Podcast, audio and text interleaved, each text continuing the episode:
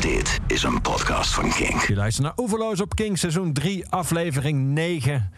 Je aangeboden door de muziekgieterij, het grenzeloze muziekpodium. En mijn gast vandaag is Kamerlid, sinds heel kort, voor D66.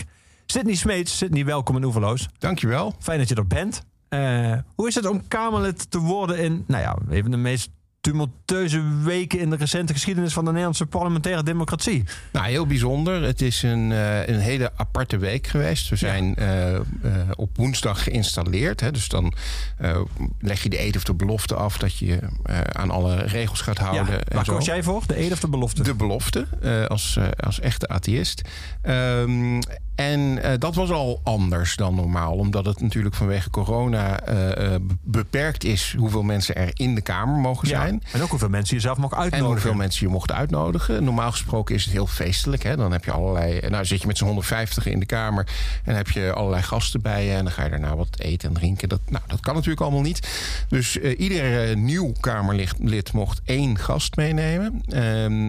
voor mij was dat mijn vader, die heb ik meegenomen. En mijn moeder, die was ook in Den Haag. Maar ja, die moest buiten wachten. Oh. Maar gelukkig stond de provincie Limburg daar met Limburgse Vlaai. Dus die heeft daar uh, alsnog een beetje kunnen genieten in de zon.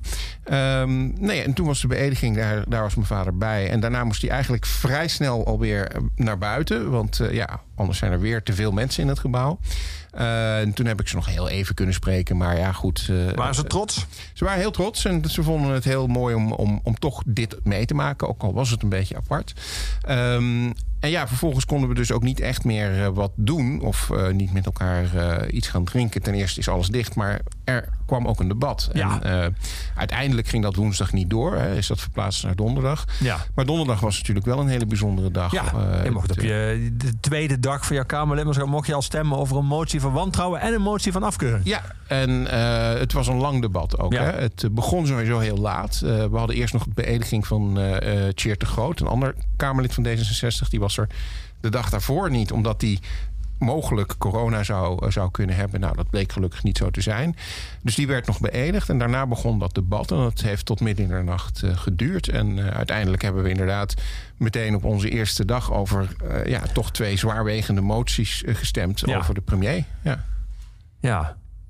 Heb je, zou je kunnen zeggen, grofweg twee type Kamerleden. Je hebt aan de ene kant uh, bij alle partijen, zeg maar, partijtijgers... die Mhm. de lange mars hebben gemaakt door alle partijfuncties. Vaak als raadslid zijn begonnen of als statenlid en dan uiteindelijk Kamerlid worden.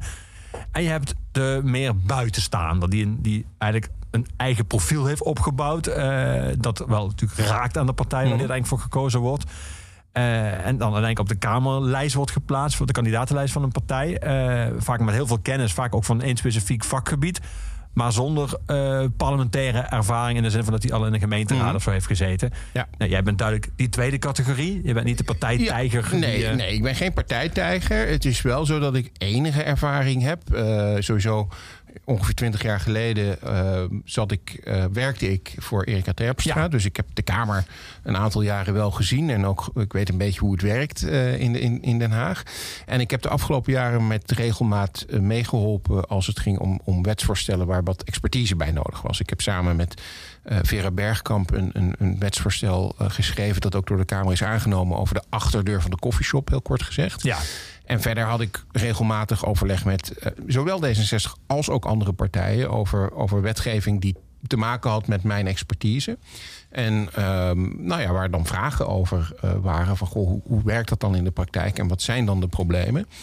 En um, daarnaast had ik nogal wat kritiek op uh, hoe het gaat, uh, of eigenlijk ging uh, in, in Den Haag. met name vanuit CDA-VVD-hoek, als het gaat om justitie. lijkt het erop dat de rechtsstaat, hè, dus de gedachte dat de overheid er is om eigenlijk voor de burgers voor hun belangen op te komen. En dat dat gecontroleerd wordt door onafhankelijke rechters. En dat je daar ook als burger terecht kunt omdat je een betaalbare advocaat hebt. Dat dat allemaal niet zo heel erg hoog in het prioriteitenlijstje uh, stond. Nou, cumulatie daarvan is natuurlijk die toeslagenaffaire... Ja. waar we het uh, al maanden uh, terecht over hebben.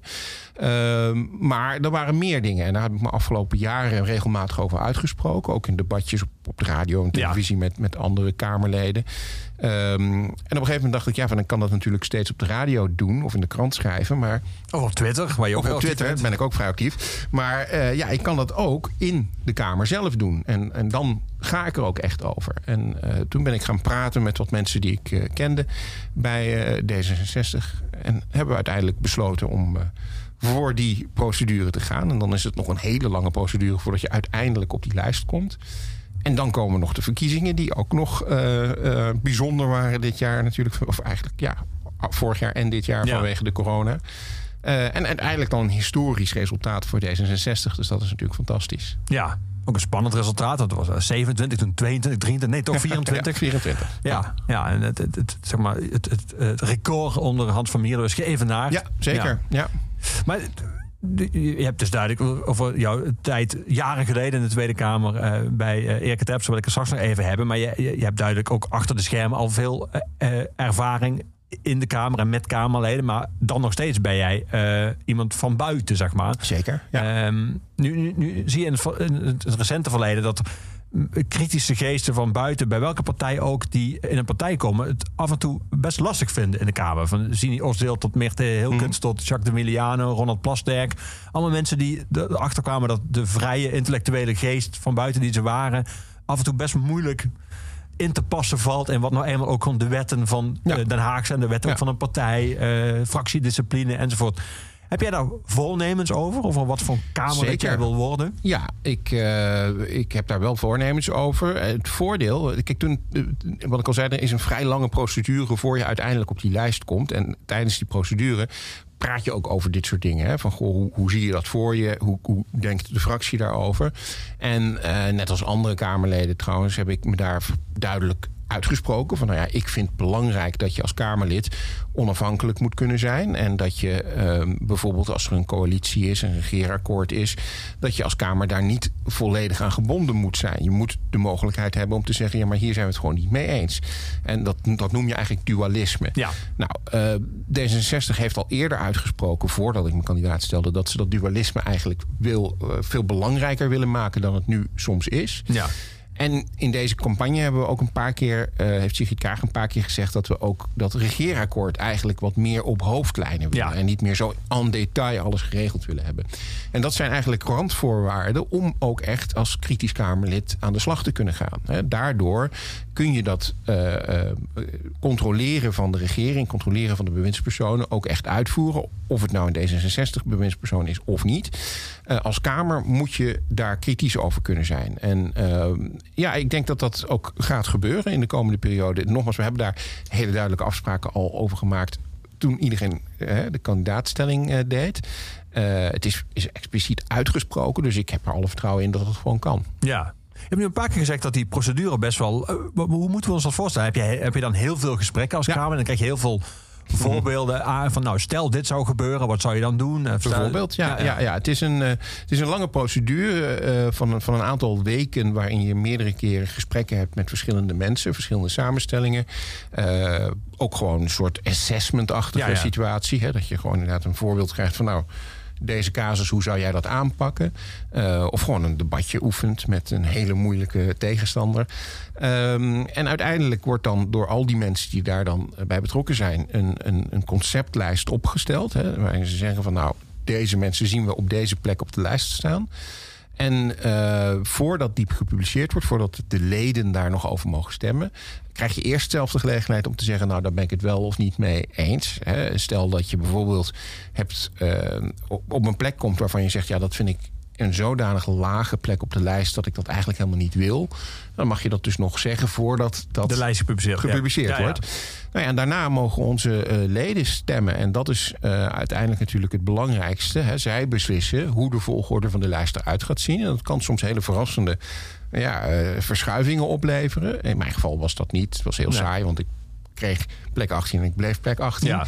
Ehm, maar voor sommigen is dat best wel, wel spannend. Ja. Ja. En dan heb je natuurlijk nog de verkiezingsuitslag. En je hebt dan nog bij sommige partijen, zoals bijvoorbeeld, zeker bij GroenLinks, het, het, het verschijnsel dat sommige eh, Kamerleden met heel veel voorkeurstemmen worden gekozen en andere dus niet. Dat is voor, voornamelijk voor de mensen die zeg maar, op, de, op de grens zitten. Hè. De, de, bij ons was dat met name nummer zeg maar 23, 24. En zeker omdat het eerst 23 en toen 24. Ja, ja. Uh, is dat een hele stressvolle periode. Ja. Um, en dat, daarvoor ook neem ik aan voor jou. Want er was natuurlijk een hele tijd dat jullie op, in de peilingen nou, op, op, 17, 18 zetels stonden. Ja, maar ik heb altijd uh, gezegd dat we 25 zetels zouden gaan halen. En echt in ieder interview vanaf, vanaf het moment dat ik op die lijst stond. Nou, dat zijn er dan 24 geworden, maar ik zat aardig in de buurt.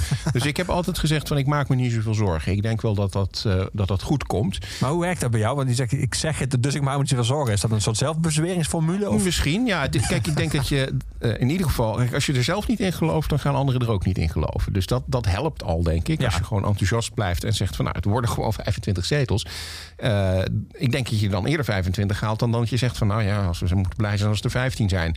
Dus ik heb nog NLP-coach kunnen worden eigenlijk. misschien, misschien, ja. Nou, uh, maar ik denk dat dat wel werkt. Het is niet zo dat ik denk dat je door het te zeggen dat het dan ook waar wordt. Maar het helpt in ieder geval om mensen wel in die positieve vibe te krijgen. Ja. En dat was denk ik ook deze campagne voor ons een heel belangrijk iets. Hè. Uh, het is een campagne geweest waarin wij hebben geprobeerd om vooral uh, optimisme uit te stralen. Van joh, we kunnen een heleboel mooie dingen gaan bereiken. Maar dan moet je wel zorgen dat er uh, de juiste mensen in die Kamer uh, terechtkomen.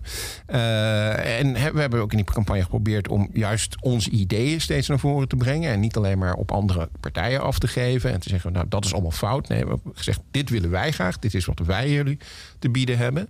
En dat is denk ik een hele uh, prettige manier ook van campagne voeren. Dat je kunt proberen om mensen echt te enthousiasmeren. Te zorgen dat ze gaan stemmen. Ik, dat heb ik ook een paar keer gezegd bij, bij verkiezingsdebatjes. Dat ik zei van ja, of je nou op mij stemt of niet. Als je maar gaat stemmen. Dat je, maar als je maar laat weten wat, je, wat jouw mening is. Dat vind ik belangrijk. En uh, ja, dat positief, positivisme dat spreekt mij wel aan. Ja, ik kan me wel voorstellen dat het, jullie, jullie, D66 heeft natuurlijk flink gewonnen. Eigenlijk ja. de grote winnaar van deze verkiezingen. Het is natuurlijk ook altijd. Ik las ook ergens dat jullie op de dag na de verkiezingen meteen duizend nieuwe leden hadden. Mm -hmm. uh, ja. Het is natuurlijk ook prettig voor mensen om bij de club te horen die wint. Uh, als, ja, als je, je wint, heb je vrienden. Hè? Dat is altijd zo. Dat, ja. uh, maar ik, ik, ben er wel van. Kijk, het, het mooie van. Uh, die stijgende lijn van het aantal leden, is dat dat niet alleen maar na de verkiezingen zo was, maar dat we eigenlijk vanaf het begin van de campagne steeds ledenrecords hebben gescoord. Hè. Iedere keer zeiden, konden we dat ook weer naar buiten brengen. Van nou, we hebben nog meer leden dan we ooit hebben gehad. Uh, dus ik, ik zie dat in dit geval niet zozeer als, als mensen die zich alleen maar aansluiten omdat we gewonnen hebben. Maar echt als een soort lijn die zich nou eenmaal al aan het ontwikkelen was. Um, en heel veel mensen die toch ook geenthousiasmeerd zijn geraakt door Sigrid Kaag. Want laten we eerlijk zijn, als je kijkt naar hoe zij die debatten heeft uh, gedaan. Trouwens ook het debat afgelopen uh, week. Maar zeker die debatten op televisie. Ja, dan is dat gewoon echt heel erg knap. En uh, dat hoorde je ook. Dat was ook mooi in die campagne. Dat je steeds na zo'n debat altijd mensen hoorde over hoe enthousiast ze waren over hoe ze dat had gedaan. Um, en dan kom je dus in een positieve flow. En, en, en ja, dan dan krijg je ook dat mensen zich willen aansluiten. Gelukkig maar. Ja. Ik zei al, Sandy, we gaan praten, maar we gaan ook muziek mm -hmm. draaien. Ja. Muziek eh, waarvan ik jou heb gevraagd of je nadenken over nummers die jou mooi vindt of bijzonder. Of voor jou op welke manier ook iets betekenen. Uh, ik wil beginnen met een nummer van Evie de Visser. Het nummer ja. Hartslag. Waar, waarom deze? Nou, Eefje uh, vind ik een, een, ontzettend leuke zangeres. Uh, ik heb een paar keer haar concerten gezien. Dat kan nu nou allemaal niet meer. Maar ik woonde in Utrecht en zij trad, uh, trad regelmatig in Utrecht op. En uh, wat ik leuk vind is dat zij. Je, heel... hebt, je hebt haar begin gezien, dus ook, haar ja, opkomst, zeg ja, maar. Ja, ja, ik was vrij snel erbij, denk ik. Um, en wat ik leuk vind is uh, dat ze hele leuke dingen met taal doet. Uh, hele rare afbrekingen van zinnen en, en, en, en woordvondsten. ja, en dat het gewoon hele fijne muziek is. zoals Hartslag, dat is echt wel een, een gewoon een lekker nummer ook ja. om naar te luisteren. Dus dat, dat zet ik met plezier op. Ja, dat gaan we nu ook doen. Voor jou. Hartslag van Evie de Visser.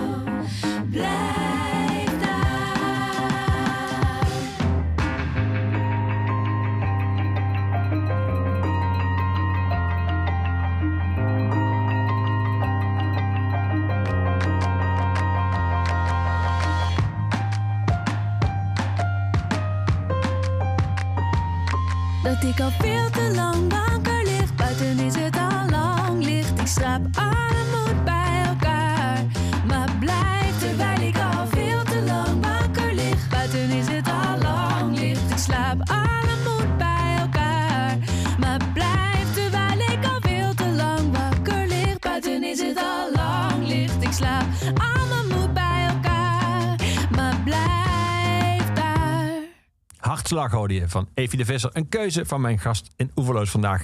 Sydney Smeets, Kamerlid voor D66. Sydney, je bent geboren in, eh, in Limburg toen jij eh, eh, vorige week in de Tweede Kamer...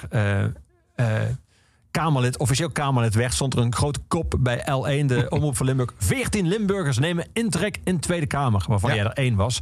Eh, voel je je ook nog steeds een Limburg? Of ben je met al zo lang in Utrecht en daarna Amsterdam woonachtig dat dat wel eh, op de achtergrond is geraakt? Nee, ik voel me wel echt een Limburger. Ik, eh, ik, kom er graag en zo vaak mogelijk. Het afgelopen jaar was, was wat dat betreft een moeilijk jaar. Mijn ouders zijn wat op, op de leeftijd dat het allemaal wat meer risicovol wordt. Dus ja, ik heb geprobeerd om, om eh, ehm, dat bezoek echt heel goed te plannen dat het niet risico's op zou leveren. Dus ik ben er minder geweest eh, afgelopen jaar. Maar eh, ik kom er heel graag. Het is eh, Valkenburg eigenlijk, waar mijn familie vandaan komt. Ik ben geboren in Heerlen, maar mijn familie komt uit Valkenburg. Uit de Muntstraat van Valkenburg. Dat is vlakbij de poort, de Berkelpoort. En ehm, daar hadden, eh, had, had mijn opa en zijn overgrootopa... die hadden daar altijd een bakkerij, bakkerij Smeets. En ehm, mijn oom heeft dat op een gegeven moment overgenomen. Mijn vader is later ook nog een, een bakkerij lunchroom begonnen in Valkenburg. Dus een echte bakkersfamilie. Dat is ook een Limburgs spreekwoord. Hè? Dat is de best nog net langs Smeets bakkers. en dat, eh, daar heeft mijn oom vervolgens, Guus Smeets, weer een liedje over geschreven. Guus, Guus was een eh, hele bekende Limburgse eh, liedjeschrijver. En eh, nou, eigenlijk bijna iedere Limburgse artiest heeft wel een liedje van Guus Meets eh, eh, uitgevoerd. Ehm, en ja, die is ook afgelopen jaar helaas ja, door COVID overleden. Was vorige week precies een, een jaar geleden. Ehm, maar ik voel me echt wel een, een Limburger, een Valkenburger. Ik heb ook toen ik op de middelbare school zat en ging studeren. Ik heb in Maastricht op de middelbare school gezeten.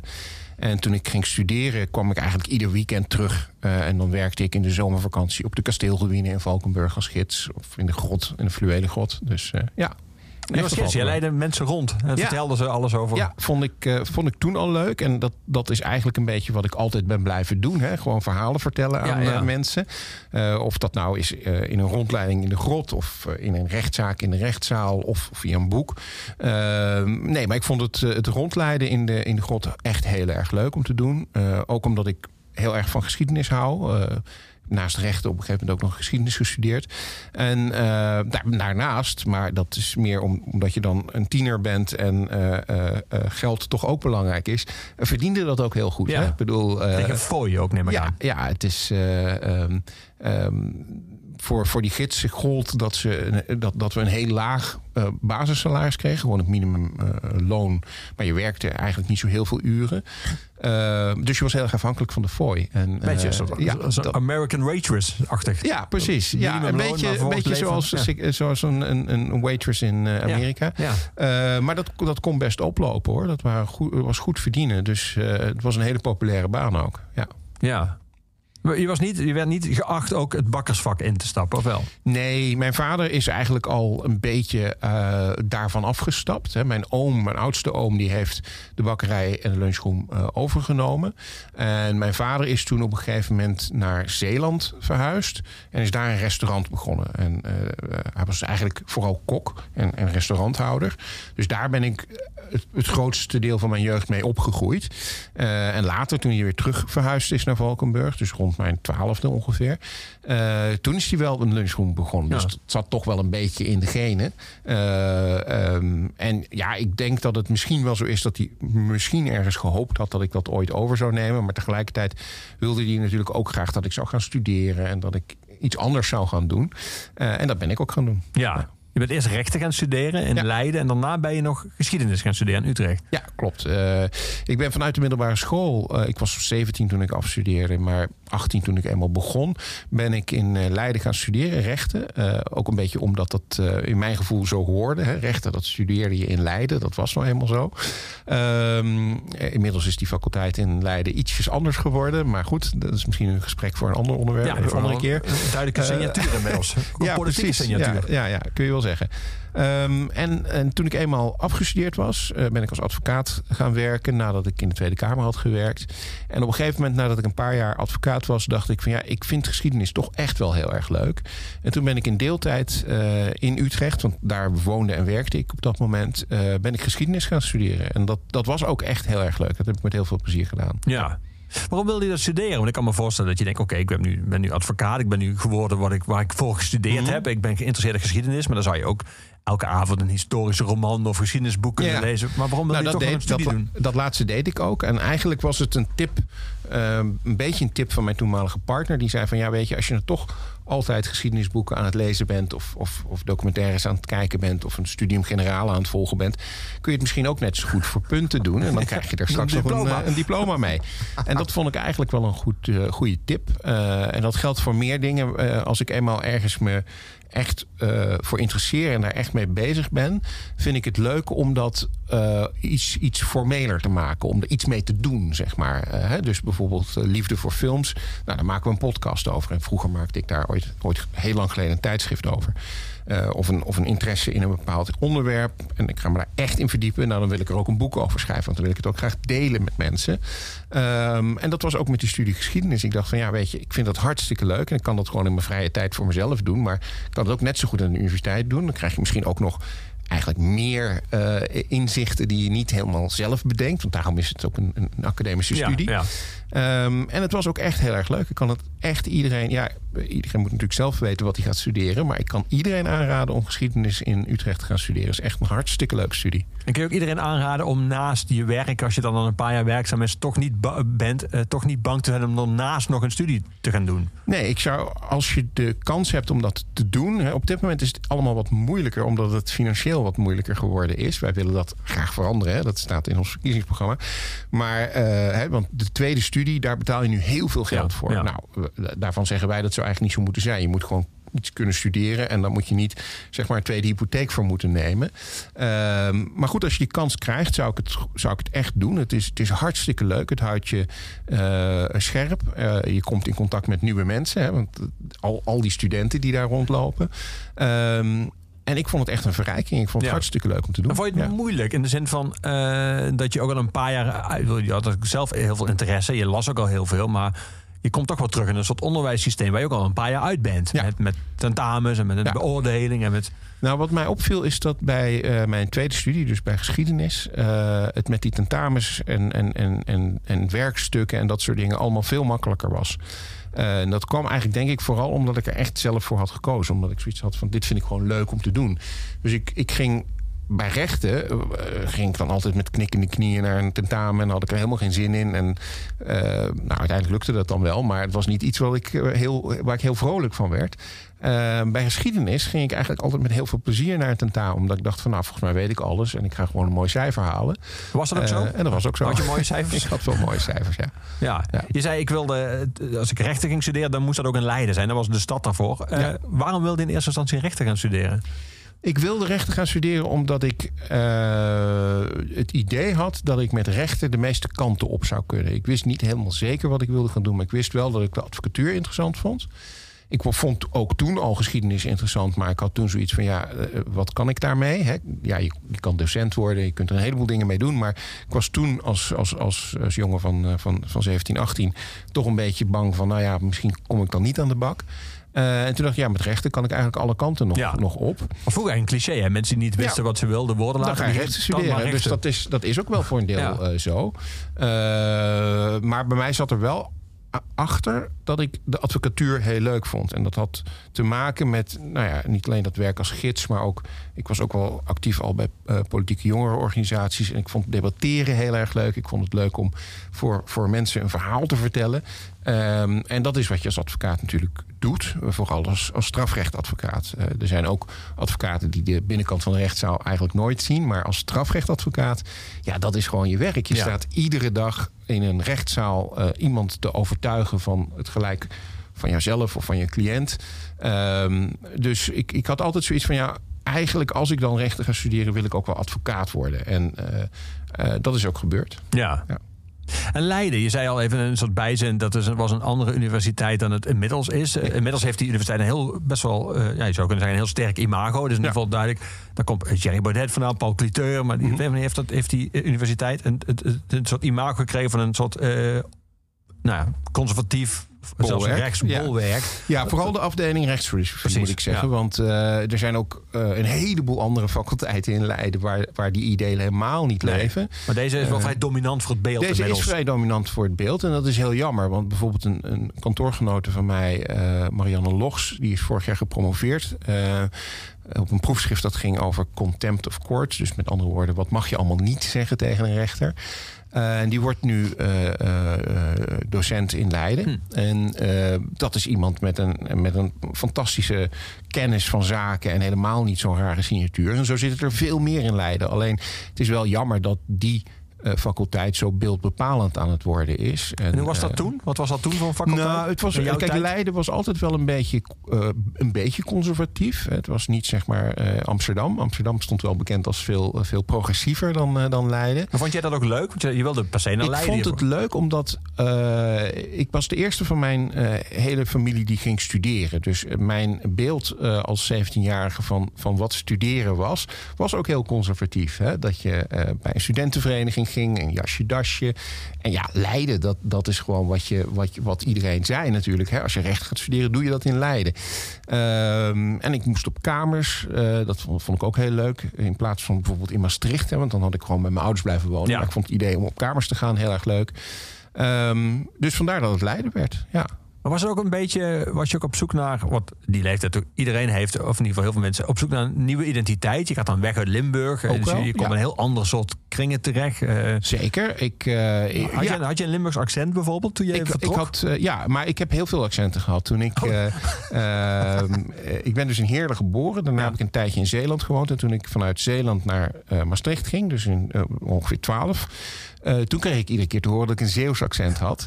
Nou ja, toen ik in Leiden kwam, kreeg ik te horen dat ik een Limburgs accent had. En toen ik in Utrecht ging wonen, had ik opeens een Leids accent. Dus ik neem al die accenten steeds mee. Ja. En uiteindelijk is het resultaat daarvan dat ik volgens mij helemaal geen accent eh, heb. eh, omdat alle de accenten door elkaar zijn gaan lopen. ja, ja. Ehm, maar het was inderdaad wel, wel iets bijzonders. Niet zozeer dat ik bijzonder was, maar dat ik daar in een, vreemde stad waar ik niemand kende, niemand van mijn eh, middelbare school ging daar stu- studeren. Eh, ehm, en heel ver van huis. eh, ja, toch een, een nieuw leven moest gaan opbouwen. Eh, maar ik denk dat dat heel goed is geweest. Ik denk dat ik daar heel veel aan heb gehad. Ik heb daar hele goede vrienden leren kennen eh, bij mijn studentenvereniging. Die ik nog Was steeds, er, was er een corporale studentenvereniging? Nee, gelukkig niet. Dat, Ja, ik dacht, misschien ga je all the way. En ja, ja dat, dat, ik zal eerlijk zijn dat ik toen ik dacht eh, van, nou ga ik in Leiden studeren. Toen dacht ik, dan hoort daar dus ook bij dat je bij het koor eh, eh, gaat. Maar ik had wel al vrij snel door dat het echt niks voor mij is. Dus dat heb ik ook niet, niet gedaan. Maar ik ben wel lid geworden van Quintus. Dat is een, als, een, als een goede katholieke jongen een, een katholieke studentenvereniging van oorsprong. Lid van het Allerheilige Convent. Maar goed, daar merk je in de studentenvereniging niet zo heel veel van.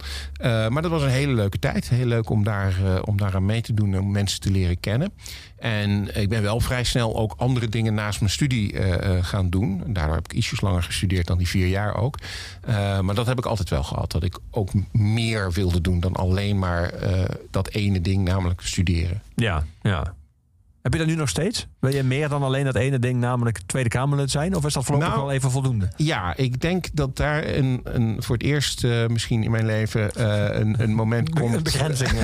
dat ik eh, meer dan genoeg kan, kan doen met dat Kamerlidmaatschap. Hè? Want het is ook meer dan alleen maar in de Kamer zitten. Het is ook werkbezoeken afleggen. Het is ook mensen spreken. Het is ook eh, ja, met, met mensen samen tot een idee komen van wat moet er eigenlijk anders? Hoe gaan we dat aanpakken? Eh, dus ik denk dat ik daar heel veel in kwijt kan. En dat het me ook heel veel tijd eh, gaat, gaat kosten.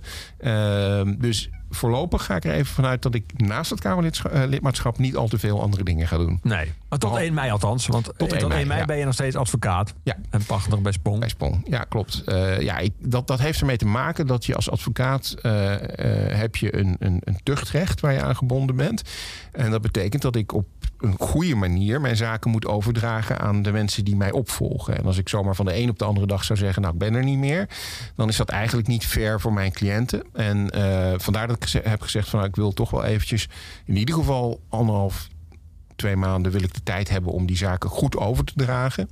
Ik blijf ook nog wat langer als advocaat ingeschreven staan bij de orde, namelijk tot 1 juli. Eh, en dat is om, als er nou nog iets raars gebeurt hè, na 1 mei, dat ik toch nog kan inspringen als het nodig is. Maar Iets goed, raars als in nieuwe verkiezingen en opeens wordt... nou, nee, dat, D66 nee, heel dat niet. Nee, dat niet. Dat niet. Want dan. eh, de- daar gaan we niet vanuit. Maar eh, nee, meer in mijn lopende zaken, zeg maar. Hè? Ah, dus als, als een advocaat mijn zaak overneemt en opeens denkt van shit, er is iets aan de hand, er is iets raars. eh, ik, eh, nou, dan ben ik dus nog formeel advocaat tot 1 juli. En dan kan ik in ieder geval op dat moment nog een briefje sturen als het nodig is. Ik ga ervan uit dat dat niet nodig zal zijn. Ja. We gaan weer muziek draaien, Sidney. We gaan naar Moloko luisteren. Ja. Met het nummer Statues. Ehm, waarom deze? Nou, het is een heel mooi album, vind Mhm. ik. Ik heb ze op Pinkpop eh, live eh, gezien. En eh, daarna was, was de band vrij snel uit elkaar. Dus helaas heb ik ze daarna niet meer kunnen zien. Maar, eh, En de tent speelde zij toen toch? Binnen, hè? eh, nee, dat was buiten. Ah, Ja, oké. buiten. En er is nog een filmpje ergens op YouTube. En daar, daar zie je mij en mijn toenmalige partner ook vooraan staan. Je zal en heel, vooraan, hard ja? mee, heel hard meezingen. Een beetje gênant, maar goed. Hoezo? Is dat Eh, leuk? Nee, het was ook heel leuk. Eh, nee, ik vond het een prachtig album. Gewoon het hele album eigenlijk eh, eh, kan ik, kan ik met, met heel veel plezier opzetten. Het is wel heel melancholisch en eh, eh, dramatisch. Want het is eigenlijk een album wat geschreven is op het moment dat ze al min of meer uit elkaar waren. Hè. De leadzanger en, en eh, nou een van de andere leden van de band die hadden een relatie met elkaar. Dat is uit elkaar eh, gegaan. En dat hoor je door alle teksten heen. De teksten zijn heel, eh, ja, heel erg liefdesverdriet teksten. Ehm, en eh, nou ja, op het moment dat mijn toenmalige partner en ik uit elkaar gingen, vond ik dat ook een heel mooi album om naar te luisteren. Gewoon omdat die teksten me daardoor nog meer raakten. Ja. Kun je dan nog steeds naar luisteren? Of is dat nu Zeker, dan... Ah. ja. Nee, ja, eh, vlak daarna was het even een tijdje dat Ja. ik dacht van nou laat maar. Maar inmiddels kan ik het weer met plezier luisteren. Ja. we gaan dan luisteren naar Statues.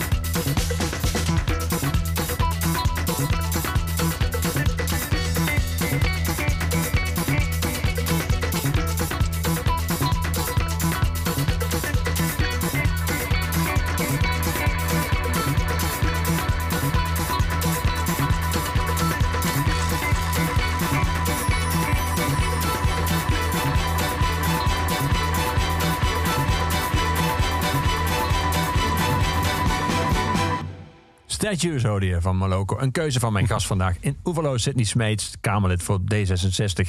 Sydney, je zei het al, je bent vroeger, heel vroeger, in je studententijd, eh, liep je al rond op het Binnenhof. Ja. Toen was je persoonlijke medewerker van eh, Erika Terpstra. Je, had, je was lid en actief binnen de JOVD. Nu heeft de JOVD eigenlijk altijd, is officieel dan gelieerd aan de VVD, jonge organisatie, maar heeft altijd een wat progressievere benadering gehad dan de moederpartij. En heeft dus ook in het verleden wel veel D66'ers eh, voortgebracht. Eh, maar goed, jij werkte wel voor Erika Terpstra van de VVD. Eh, aangezien je vorige week een motie van afkeuring hebt gesteund tegen de man die de VVD al ruim tien jaar leidt. Ja.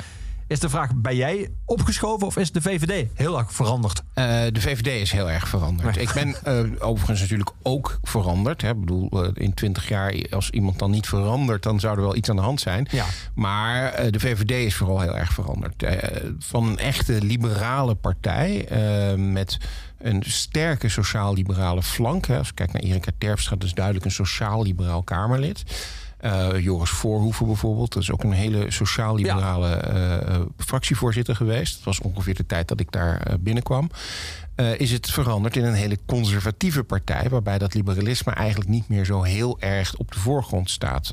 Wel als je het aan de VVD'er vraagt, want die zal dan altijd zeggen dat ze heel liberaal zijn. Maar als je kijkt naar de standpunten die ze innemen, is dat vaak helemaal niet zo liberaal. Als je kijkt naar bijvoorbeeld het drugsbeleid.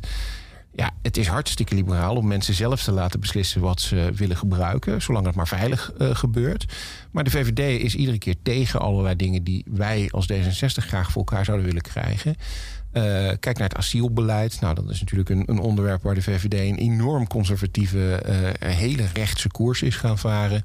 En vooral justitie, mijn eigen onderwerp. Ja. Ehm, en er zijn meer advocaten en juristen die daar zo over denken. Ehm, dat is een onderwerp waar de VVD echt heel erg een law and order partij is geworden. Dus niet meer de rechtsstaat centraal stellen. Niet meer centraal stellen van nou ja, wat is nou echt een rechtvaardige, juiste manier om het op te pakken. Maar vooral heel populistisch en harder straffen en, en dat soort dingen. Ehm, ik denk dat je heel veel moeite gaat, vinden, gaat doen om een advocaat te vinden. En zeker een strafrechtadvocaat die VVD stemt. Want er zijn zoveel slechte voorstellen door de VVD gedaan. En helaas aangenomen, want ze hebben meestal een meerderheid. Ehm, ja, dat, dat kun je eigenlijk als, als, als jurist nauwelijks nog voor, voor je rekening nemen. Je zag het ook afgelopen jaar. Toen kwam er een verkiezingsprogramma van de VVD... waar de honden geen brood van lusten. En er is een kleine opstand ontstaan binnen de VVD. Vooral vanuit de juristen die nog bij de VVD zitten. Die ook zeiden van ja, maar dit kan echt niet. Zo onrechtstatelijk als dit programma is, dat willen we echt niet. Nou, gelukkig is dat programma wat aangepast... waardoor het ehm, nou ja, minder onrechtstatelijk is geworden. Het is overigens naar onderzoek van de Orde van Advocaten nog steeds ongeveer het meest anti-rechtsstatelijke programma wat Ja. we hebben gehad in eh, deze verkiezingen. Maar goed, het is in ieder geval minder erg dan het was. Ehm, dus ik denk dat het vooral de VVD is die opgeschoven is. En daarnaast ben ik natuurlijk zelf ook wel veranderd. Ja. Want jij bent eh, in 2001 ben jij beëdigd als advocaat. Ja. Eh, dus dat is 20 jaar geleden precies nu. En sinds 2009 ben je partner bij Sprong Advocaat. Als je nou, eh, als je nou kijkt naar... eh, die- we hebben het over hoe de VVD veranderd is. Maar als je nou gewoon kijkt naar hoe jouw werk verandert. Hoe de kijk op strafrecht is veranderd. De kijk op eh, de balans tussen wraak als onderdeel van een straf... of resocialisatie. Is er dan een enorme, eh, heeft er zich een enorme verandering voltrokken in die 20 jaar? Ja, de veranderingen, er zijn heel veel veranderingen. Eén daarvan is dat de waardering voor strafrecht, advocaten, maar überhaupt voor de sociale advocatuur eh, achteruit is gegaan. Eh, ook de financiële waardering. Ehm, Kijk, eh, als je heel ver teruggaat, nog voor mijn tijd, dan was strafrecht sowieso een beetje een ondergeschoven kindje. Dat vonden de chique advocaten vonden dat eigenlijk niet iets wat je zou moeten doen. En nou ja, er was niet zoveel waardering voor. Dat is gelukkig heel erg veranderd, mede onder invloed van mijn kantoorgenoot Gerard Spong, die daar flink eh, op de bres is gesprongen. En toen ik begon, was strafrecht iets wat eh, wel degelijk in de aandacht stond. En waar ook echt wel het gevoel bestond van hier gaan we als advocaten zorgen voor rechtvaardigheid. Hè. We gaan het Europese recht, het Europese verdrag voor de rechten van de mens, gaan we meer betrekken in het Nederlandse strafrecht. Nou, dat is allemaal ook wel gebeurd. eh, maar vanuit de eigen Nederlandse wetgeving en het eigen Nederlandse beleid is het heel erg onder druk komen te staan. Ehm, waar we vroeger bijvoorbeeld een hoge raad hadden die heel stevig ingreep als er dingen fout gingen, is het nu zo dat de hoge raad bijna alle fouten afdekt en zegt van nou ja goed het is wel fout, maar we doen er verder niks mee. Of zelfs als ze zeggen ja het is wel fout, maar er is niet over geklaagd, dus we doen er sowieso al helemaal niks mee. Ehm, en je ziet het ook in wetgeving. Er is allerlei wetgeving gekomen die de bedoeling heeft om het voor mensen die veroordeeld worden of mensen die verdacht zijn, eh, steeds moeilijker te, eh, te maken om op een, op een goede manier te resocialiseren. Ehm, er is onlangs nog vorig jaar een wet aangenomen die erover gaat dat mensen die hun straf uitzitten eh, niet meer of minder in aanmerking komen om eerder naar buiten te gaan in het kader van die re- resocialisatie. Ja. Zijn taakstraffen verboden gekomen. Dat is iets wat ik denk ik twintig jaar geleden ondenkbaar zou zijn geweest. Maar dat is dus eigenlijk een soort beperking die een rechter oplegt. Dus je zegt eigenlijk, jij bent als rechter weliswaar onafhankelijk... maar je bent eigenlijk een beetje te onafhankelijk... want ik wil wel bepalen wat je mag. Ehm, en daardoor wordt Nederland onveiliger. En het, het, het gekke wat je nu ziet is dat door al die maatregelen ehm, die genomen worden... die vaak een beetje met de waan van de dag meegaan... een beetje populistisch zijn... ehm, weten sommige partijen eh, heel erg te verkopen dat ze staan voor law and order. En, en, en sommige kiezers die geloven dat ook. Hè, want het klinkt op zich natuurlijk heel, eh, heel goed als je zegt van nou, als iemand een straf krijgt, dan moet hij hem helemaal uitzitten. Nou, dat, als je dat gewoon aan iemand vertelt, zonder verdere tekst en uitleg, denkt iedereen van ja, daar zit wel wat in. Wat je vervolgens ziet, is dat eigenlijk alle deskundigen die echt iets weten van hoe zo'n strafproces werkt en hoe, hoe, hoe, hoe verdachten in de praktijk eh, met een straf omgaan, die zeggen allemaal: een hartstikke slecht idee, moet je niet doen. Maar dat verhaal hoor je natuurlijk niet, Ja. want dat is niet het populaire verhaal. En eh, nou ja, de afgelopen jaren zijn er. Waarom echt, is dat bijvoorbeeld, om dat voorbeeld te noemen, waar- waarom is dat een slecht idee? Eh, het is een slecht idee, om, ja, omdat juist die fase waarin iemand eh, eerder naar buiten mag. Hè, dus in Nederland Zeg maar die laatste een derde waarin men Ja, langzamerhand ja. van het regime In- verandert en af en toe is een weekend. Klopt, en, klopt. Eh, Nederland is daar al vrij streng in. Hè? Want er zijn heel veel landen waar je bijvoorbeeld naar de helft van je straf al naar buiten mag. Om inderdaad langzaamaan weer terug te keren in de maatschappij. Ja. Een baan te vinden, een huis te vinden, eh, cursussen te volgen, begeleiding te krijgen. Om te zorgen dat je niet opnieuw in de fout gaat. Want uiteindelijk kun je zeggen van ja, eh wraak is heel belangrijk. Dat kan het ook soms wel zijn. En in, in, zeker als je als slachtoffer ernaar kijkt, kan het ook een heel belangrijk aspect zijn. Dat je het gevoel hebt van nou, er wordt mij iets aangedaan en daarvoor moet ook een bepaalde vergelding plaatsvinden. Maar tegelijkertijd willen we ook dat de maatschappij als geheel uiteindelijk veiliger wordt. En iemand die eh, niet resocialiseert of, of te weinig tijd krijgt om te resocialiseren, die loopt gewoon een groter risico om nieuwe fouten te maken. Of als je geen baan hebt omdat je die tijd niet hebt gekregen of de begeleiding niet hebt gekregen, dan is de verleiding om opnieuw een diefstal te plegen vrij groot. Dus het, het zijn maatregelen die heel, heel eh, populair klinken en, en voor, voor mensen soms ook wel overtuigend zijn, maar die uiteindelijk ja, hele nare gevolgen hebben. En dat zien we in de praktijk ook heel vaak eh, gebeuren. Eh, dat is ook iets waar, waar advocaten, rechters, de reclassering, maar ook officieren van justitie zelfs over klagen. Dat ze zeggen van ja, er komt allemaal wetgeving uit Den Haag waar we helemaal niks mee kunnen, waar we ook helemaal niet blij mee zijn. En toch wordt het iedere keer ingevoerd. Ja. Wat ook bijvoorbeeld veranderd is in, al die jaren is. eh, dat ligt daar misschien wel in het verlengde van als het gaat over de aandacht voor het slachtoffer. eh, is dat eh, familie, bijvoorbeeld eh, nabestaanden van de slachtoffer, mogen spreken in een rechtszaal. Ook, ook daar zijn sommige. We hadden hier een half jaar geleden iemand die jij wel kent, journalist Chris Klomp, te gast. Die is daar bijvoorbeeld heel kritisch over. Die Zeker, zegt: Ik snap waarom dat ooit bedacht is, maar ik vind dat er te veel nadruk op emotie komt te liggen. Dat er ook valse verwachtingen worden gewekt. Want die mensen mogen spreken, die worden gehoord. En gaan er ook vervolgens uit dat er iets mee gedaan wordt. En zijn dan alsnog soms heel bitter over de toegekende straf. Maar ik heb toch verteld hoe erg het voor me was. Ehm, dat, is, dat voorstel eh, is ooit door partijgenoten van jou erg gekomen. Ehm, hoe, hoe vind jij nu na al die jaren dat dat heeft uitgepakt? Nou eh, ja, Chris heeft, een, heeft zeker een, een goed punt. Dat heeft hij meestal overigens. Eh, soms is hij wat fel in de manier waarop hij het formuleert, maar hij heeft altijd eigenlijk wel een punt. Net als jij natuurlijk. Net als ik, inderdaad. En eh, ik ben het meestal met Chris eens, maar niet altijd. Ehm, als het gaat om slachtoffers. Wat we zagen in het verleden, en dat is ook de reden waarom we daar meer aandacht aan zijn gaan besteden, is dat die slachtoffers eigenlijk helemaal geen aandacht kregen in het strafrecht. Er waren wel regels voor dat dat kon, maar die werden nooit toegepast. En, en, en, en daardoor hadden de slachtoffers het gevoel van ja, er zit hier eh, iemand die staat terecht voor iets wat hij mij heeft aangedaan. Of wat, waar ik een nabestaande van ben, van iemand die iets aan is gedaan. Maar ik mag helemaal niks zeggen, ik mag niks vinden. En ik mag alleen maar misschien vragen om een beetje geld en dan is het klaar. En dat hebben we willen veranderen. En dat is ook goed, want slachtoffers moeten gehoord kunnen worden. Het gaat natuurlijk voor een deel ook over hen. Ondanks dat het strafrecht natuurlijk bedoeld is om een beetje daarvan te abstraheren, om het hele maatschappij te vertegenwoordigen, gaat het ook om dat individuele slachtoffer. Dus het is heel goed dat daar meer aandacht voor gekomen is. Maar er zijn wel grenzen aan. En wat we nu zien is dat we tegen die grenzen aanlopen. Ehm, er zijn ook in de loop der jaren steeds meer rechten van slachtoffers gekomen. Waar je je soms bij kunt afvragen: is dat nou wel nodig? Hè? Het zit hem vaak, niet alleen bij slachtoffers, maar bij heel veel wetgeving. Vaak niet zozeer in dat de wet niet goed is, maar dat het niet goed wordt uitgevoerd.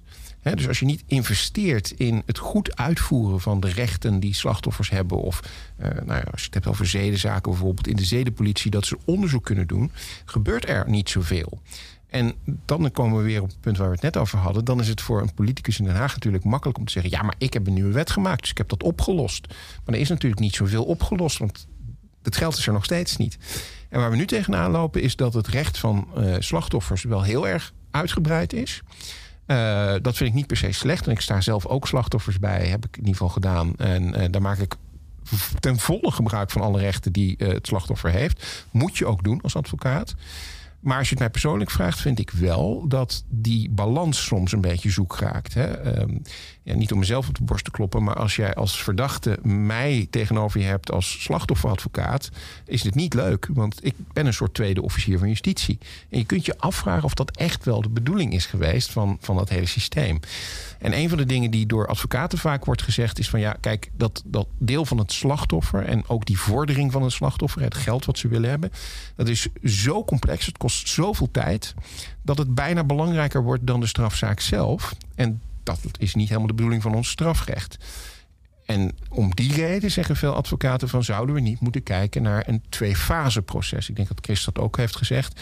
Ehm, een, een, een proces waarin je eigenlijk zegt van nou weet je, in die eerste fase is de vraag of iemand überhaupt schuldig is, de vraag waar het om draait. En daarbinnen is het best lastig om een slachtoffer te hebben die, die eigenlijk vanuit de positie redeneert: deze man is al schuldig.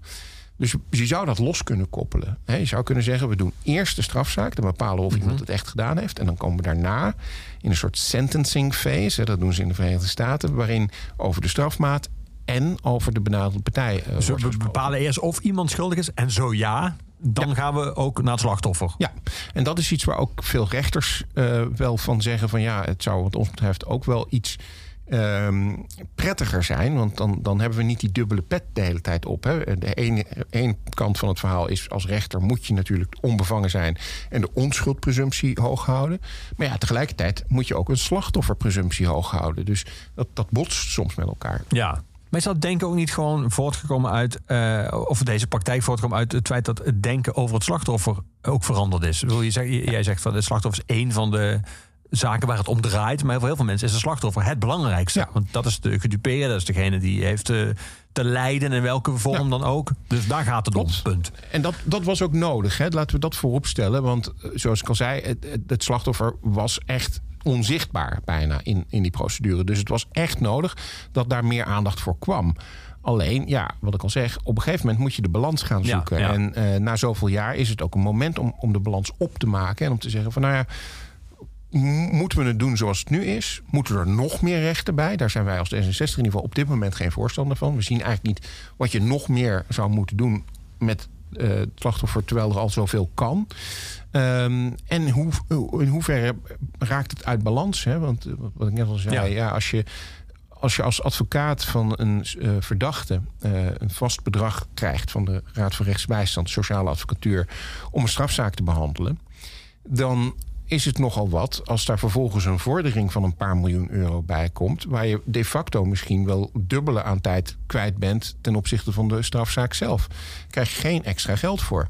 En je hebt ook nog eens een keer geen opleiding als, als civilist, hè, als, als iemand die daar echt veel van af weet. Eh, dus dat is echt wel een, een, een forse eh, investering voor strafrechtadvocaten, wat je er gewoon even bij moet doen. Ja. Nu heb je, je hebt een aantal zeer spraakmakende zaken gehad. eh, die, eh, van Laarhoven, die in Thailand werd veroordeeld. onder zeer erbarmelijke omstandigheden daar vast zat. Eh, je hebt de Amsterdamse zedenzaak gehad. eh, de zaak rond de grensrechter. Ehm, heeft iedere verdachte recht op verdediging? Zeker, ja. En heeft ook iedere verdachte recht op verdediging van Sidney Smeets? In principe wel. Ehm, mijn uitgangspunt is altijd geweest dat ik iedere verdachte bijsta. Tenzij natuurlijk het gaat om iemand die mij persoonlijk of mijn familie iets heeft Nee, aangedaan. Maar dat ligt heel erg voor de hand. Iemand die niet heeft afgerekend bij Bakker Smeets destijds. Destijds, ja, dat, Dat, maar dan kom je met een belangenconflict. Ja. Maar in, in- wat ik altijd heb gezegd is... als je ervoor kiest om strafrecht te doen... dan moet je bereid zijn om iedere verdachte bij te staan. Ik vind het eh, altijd een beetje vreemd als je zegt van... nou ja, dat soort zaken doe ik dan maar liever niet. Eh, of dat doe ik niet. Eh, natuurlijk zijn er ook zaken die ik minder leuk vind om te doen. Eh, in de zin, eh, ofwel omdat ik ze inhoudelijk minder interessant vind... Of omdat het delict zelf gewoon heel naar is. Eh, of de verdachte misschien ook wel een beetje naar kan zijn. Ja.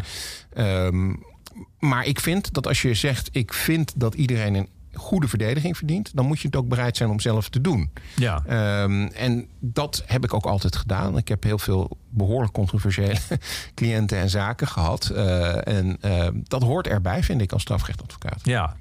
Dan zouden we in jouw geval kunnen voorstellen dat je altijd op de bres hebt gestaan voor eh, de LHBT-rechten en voor eh, tegen homofobie. Dat het wel echt heel ingewikkeld is om een homofobe eh, geweldpleger Ja. tegen homoseksuelen te verdedigen. Ja, dat, zou ook, dat is ook ingewikkeld. Ik heb het wel eens gedaan, maar over het algemeen kiezen dat soort verdachten ook niet voor mij. Nee, je hebt Want niet het ideale profiel voor die een hebben- homofoob, die- nee. Ja, dus in die zin doet het probleem zich niet zo snel eh, voor.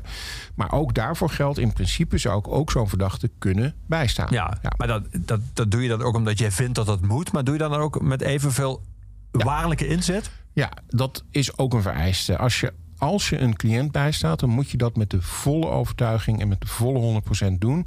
Eh, en dan, dan hoort het niet uit te maken wat jij er persoonlijk van, van vindt. Hè? Ehm, ik heb ook wel eens gezegd van eigenlijk is het beste bewijs dat onze rechtsstaat goed functioneert, is als een verdachte die schuldig is, toch kan worden vrijgesproken omdat zijn advocaat goed werk heeft geleverd. Dus omdat de advocaat op de juiste pijnpunten in het dossier drukt en uitlegt van, nou ja, het zit toch allemaal wat moeilijker. Kan zelfs een schuldige verdachte, hè, waarvan je misschien als advocaat weet, ja, die heeft het wel gedaan, vrijgesproken worden, omdat het volgens de regels gewoon niet tot een veroordeling kan komen. Ja. En Ik denk eh, dat dit dat- echt precies dit voor heel veel mensen Ja. een heel moeilijk punt is. Is het Want ook, Dan vinden zij dus dat de regels niet deugen. Ja, maar en, en het is ook onrechtvaardig. Zeker ten opzichte van de slachtoffers waar het om gaat. Maar als advocaat ben je, ook om, ben je er ook om, om eh, de rechtsstaat scherp te houden. En om ervoor te zorgen dat de volgende keer de politie het wel volgens de regels doet. Of zorgt dat ze beter werk leveren. Of dat regels worden aangepast. Er zijn heel veel zaken van mij die tot nieuwe wetgeving hebben geleid. Ehm, hè, dus dan heb ik die zaak wel gewonnen. Maar de conclusie daarvan voor de minister bijvoorbeeld was... eh, ja, daar moeten we dus wat aan gaan doen. Want als die Smeets die zaak kan winnen, dan zit het niet goed. Nou ja, dat, dat helpt uiteindelijk de maatschappij eerlijker te maken. Ja. We gaan weer muziek draaien, Sydney. We gaan luisteren naar eh, Garbage met het nummer Cherry Lips. Waarom deze? Welke plek heeft deze in jouw leven? Ik, eh, ik vind het gewoon een heel fijn nummer. Ehm, eh, en er zit ook nog een heel verhaal achter. Want het is geschreven eigenlijk voor een eh, schrijver, J.T. Leroy. ehm, die ehm, Een briljant boek debuteerde. Ja, met een briljant boek debuteerde. En waarbij eigenlijk het verhaal was dat hij als, als, als, als jongen misbruikt was. En daar een heel prachtig boek over heeft geschreven. Ehm, kwam ook in allerlei eh, kringen van, van artiesten. En iedereen was, eh, liep met hem eh, weg. Ja. Maar het was ook een beetje mysterieus. Want hoe die er nou precies uitzag en wie het nou precies was, dat wist niemand. En later kwam uit dat dat eigenlijk een soort, eh, een soort farce was. Het was een vooropgezet plan van, van iemand die zich voordeed als J.T. Leroy. Maar dat was, dat was helemaal geen bestaande persoon. Dus eigenlijk een soort literaire eh farce of een literair mysterie. Eh, maar goed, toen Garbage dit, dit nummer schreef, wisten ze dat nog niet. En het is een heel goed nummer. Ja, Cherry Lips.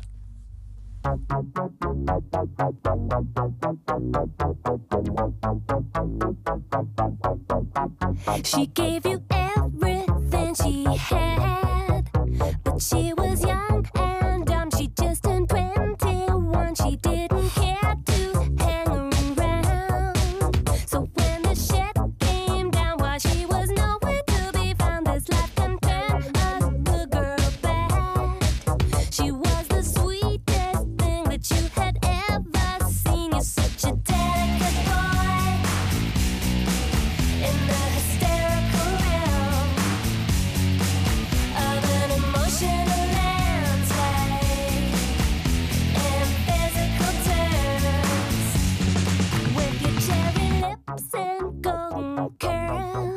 You could make grown men gasp when you'd go walking past them in your hot pants and high heels.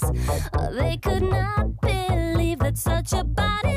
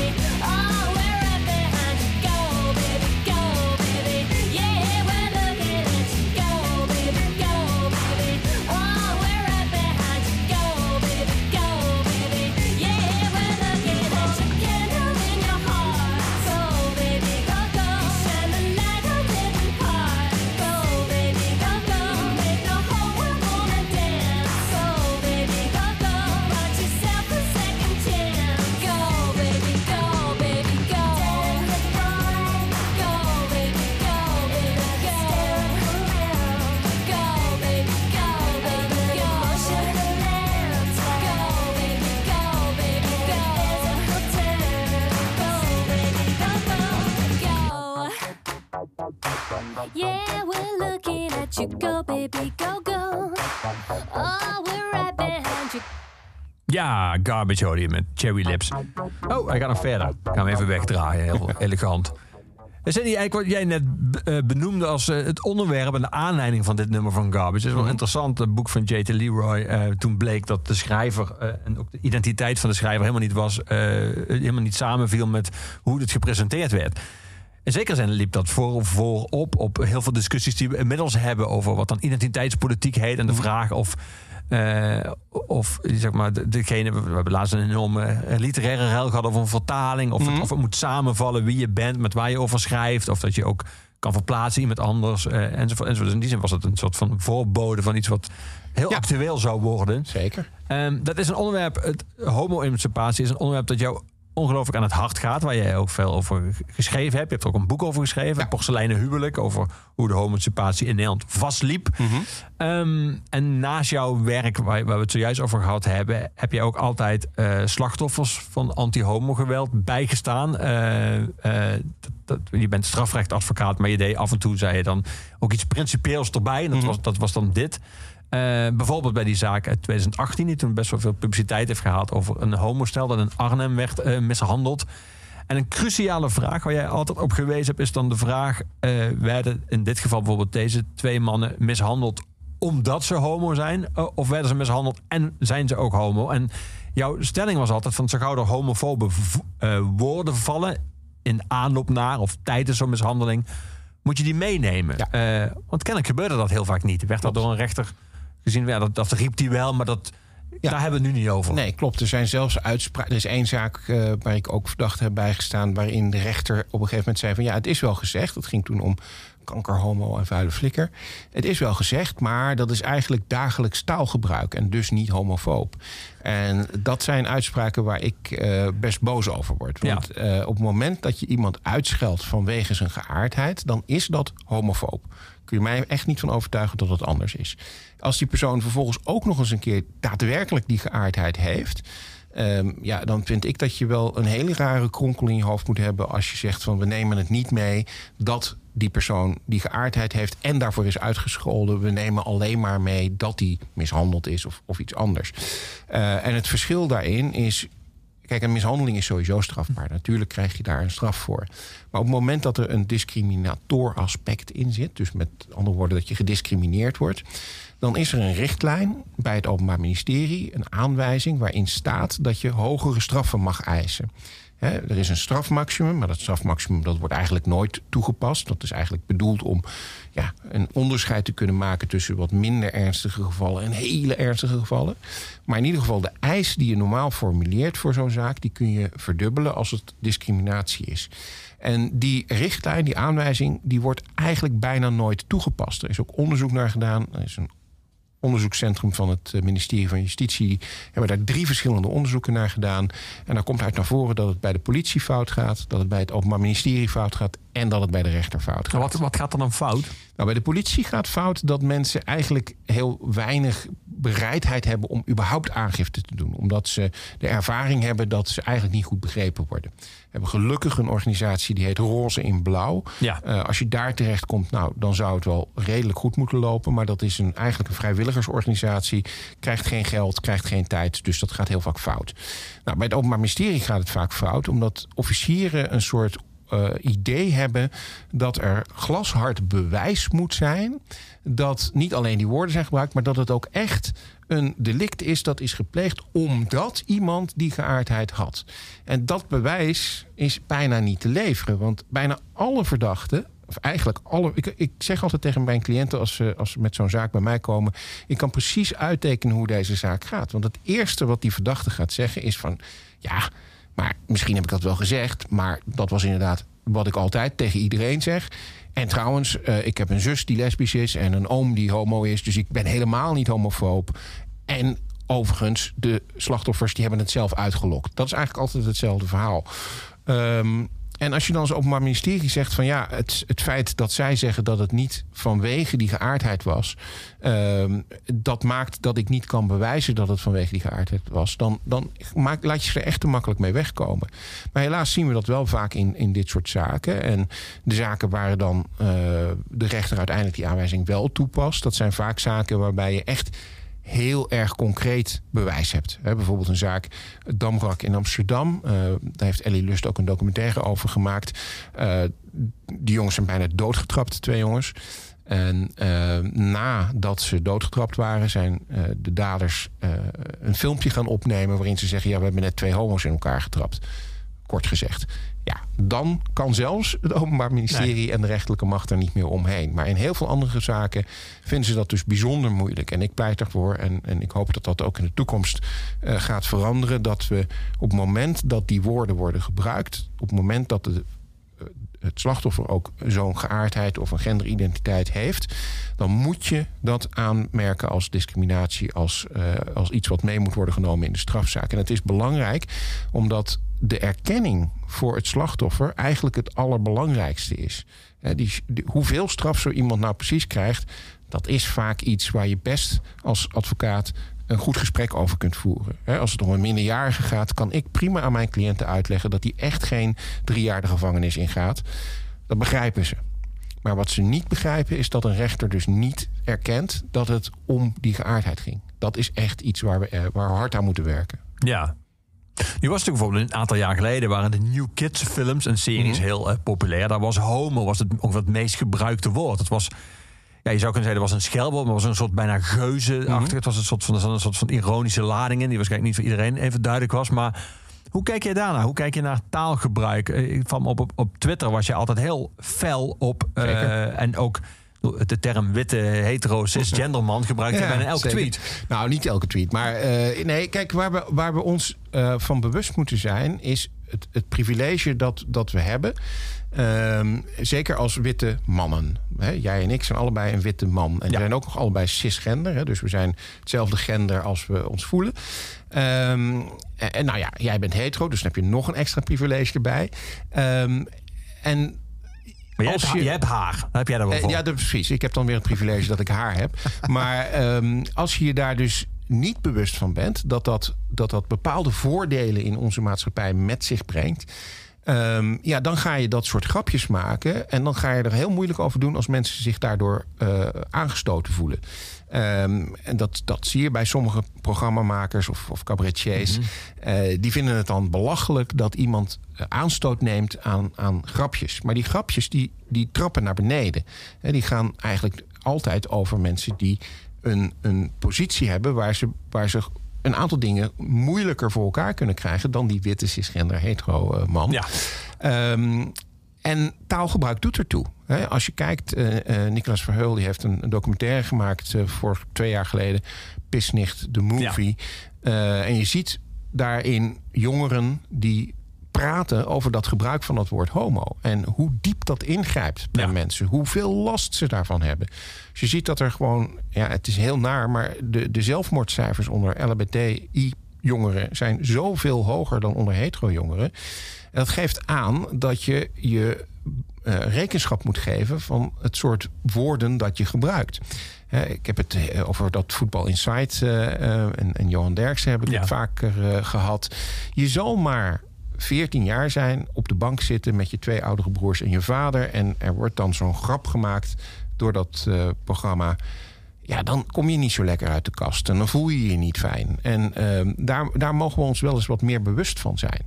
Eh, sommige woorden die, die zou je gewoon niet moeten gebruiken. Ik denk dat ook heel veel mensen inmiddels wel vinden... nou ja, met kanker zou je ook eigenlijk niet moeten schelden. Want dat, dat raakt ook heel veel mensen heel hard. Ja.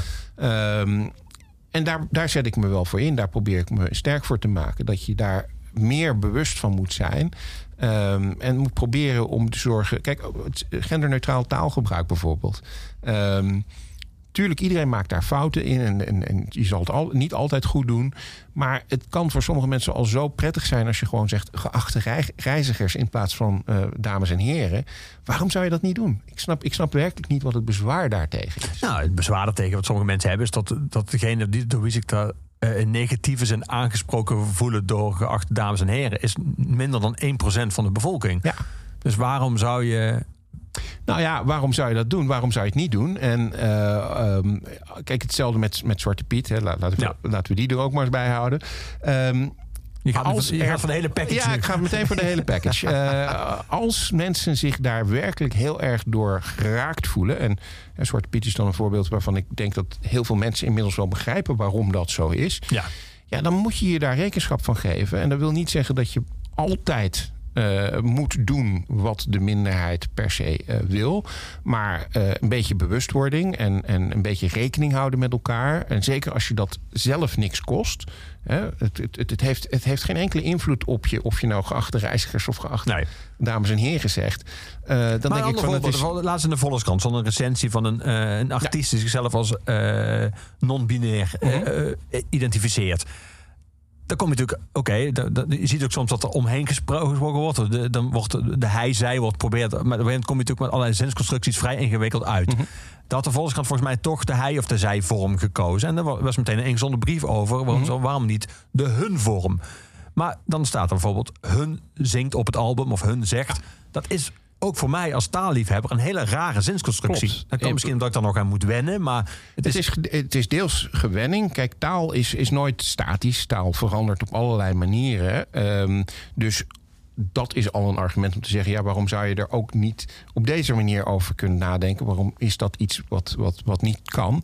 En als je kijkt naar bijvoorbeeld het Engels... nou is het Engels wel een taal die dat makkelijker eh, maakt... maar daar gebeurt het veel meer al. Hè? Dat is al vrij ingeburgerd bij heel veel redacties... om they of them eh, te gebruiken. Klopt. Nou ja, in het Nederlands klinkt dat inderdaad wat vreemd. Maar dat wil niet zeggen dat we er niet over na moeten denken. En dat is het goede van het feit dat daar dan zo'n ingezonde brief over komt. Dat je toch weer even stilstaat bij dat idee. Wij hebben het er nu ook over.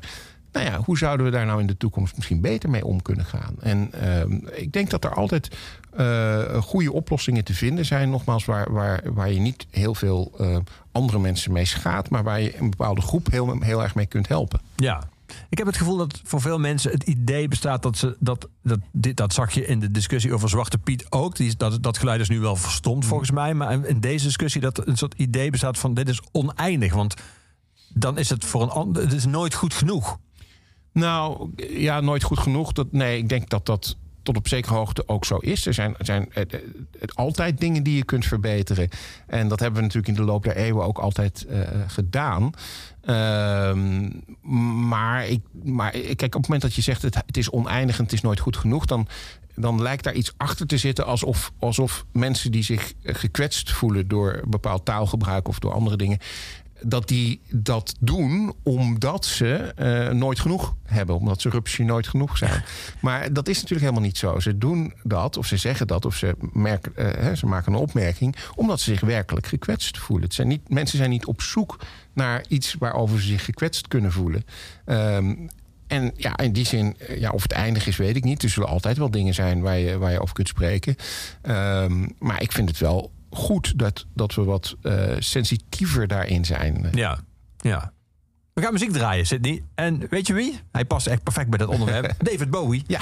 Met Live on Mars. Ehm, was jij vroeger als, als jonge jongen al Bowie-fan? Of was hij later in jouw leven gekomen? Nee, het is, het is, later, eh, het is later wat eh, meer geworden. Dat ik er echt, ja, dat ik echt een beetje fan, nou ja, fan van ben geworden. Eh, als jongen hoorde ik het wel, want mijn ouders draaiden dat natuurlijk eh, ook. Eh, maar ik, ik ben het later meer gaan waarderen. Gewoon omdat het best wel knappe muziek is. Het is niet voor niets dat het nog steeds door, door heel veel mensen gedraaid wordt. En zo'n nummer als Live on Mars, en zeker die periode uit zijn leven, heel androgyn. ja, een hele duidelijke vervreemding die daarin zit. Ja, dat, dat spreekt me heel erg aan. Ja. Heb je nog zijn eh, tentoonstelling rondom hem kunnen zien of niet destijds? Eh, ja, daar ben ik heen geweest. Ja, vond, Mooi, vond ik heel mooi. Ja. Ja. We, gaan hem naar, naar- we gaan hem naar hem luisteren. Live on Mars van eh, David Bowie. It's a god awful small affair to the girl with the mousy hair. But her mummy is yelling no, and her daddy has told her to go. But her friend is nowhere to be seen. Now she walks through her sunken dream to the seat with the clearest view and she's hooked to the silver screen. But the film is a sad thing for, she's lived it ten times or more. She could spit in the eyes of fools if they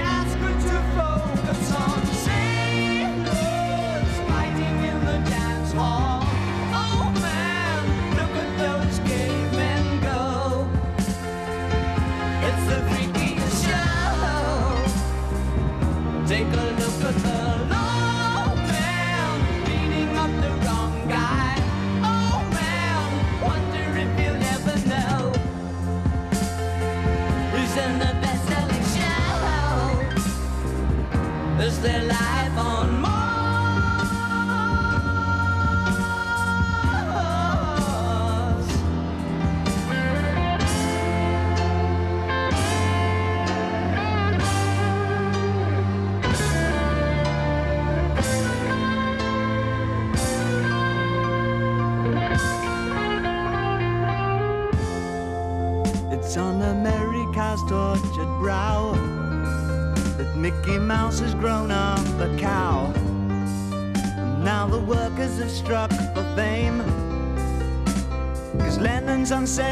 again.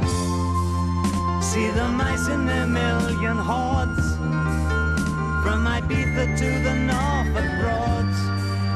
Rule Britannia is out of bounds to my mother, my dog, and clowns. But the film is a sad thing cause I wrote it ten times or more.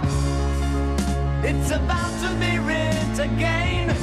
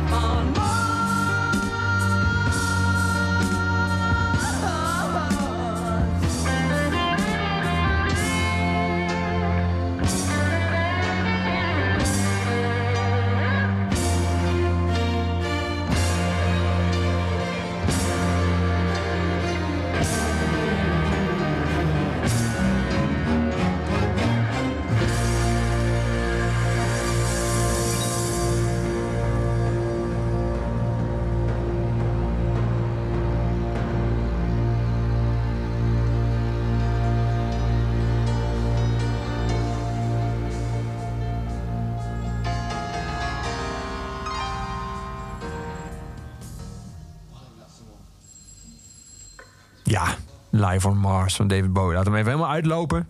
Eh Cindy, we gaan het over, eh, niet over politiek hebben. We gaan het over iets totaal anders hebben. Oh, wacht even, ik zet hem even uit. Weet je waar we het over gaan hebben? Ik zal het je even laten horen. Ja, hoor ja.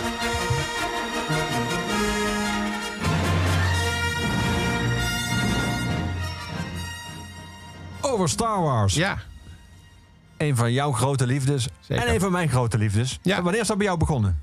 Wanneer is dat bij mij begonnen? Ik denk eigenlijk eh, min of meer vanaf mijn geboorte bijna. Ik ben ietsjes ouder dan Star Wars. Star Wars is van 77, ik Ja. ben van 75.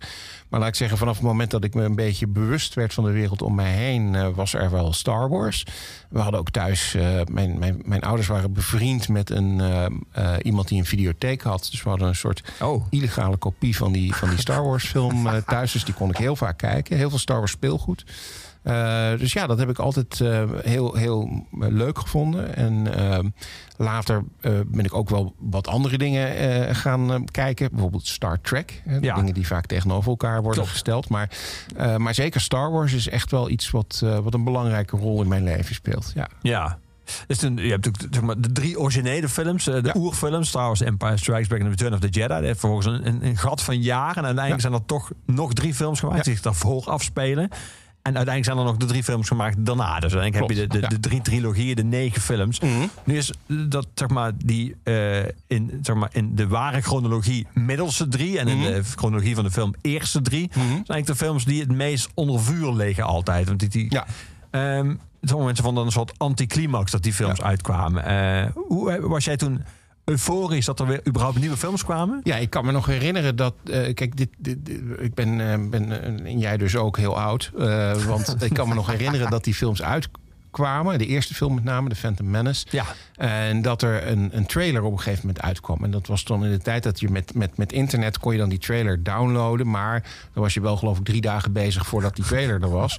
En dan nog een hele lage kwaliteit natuurlijk.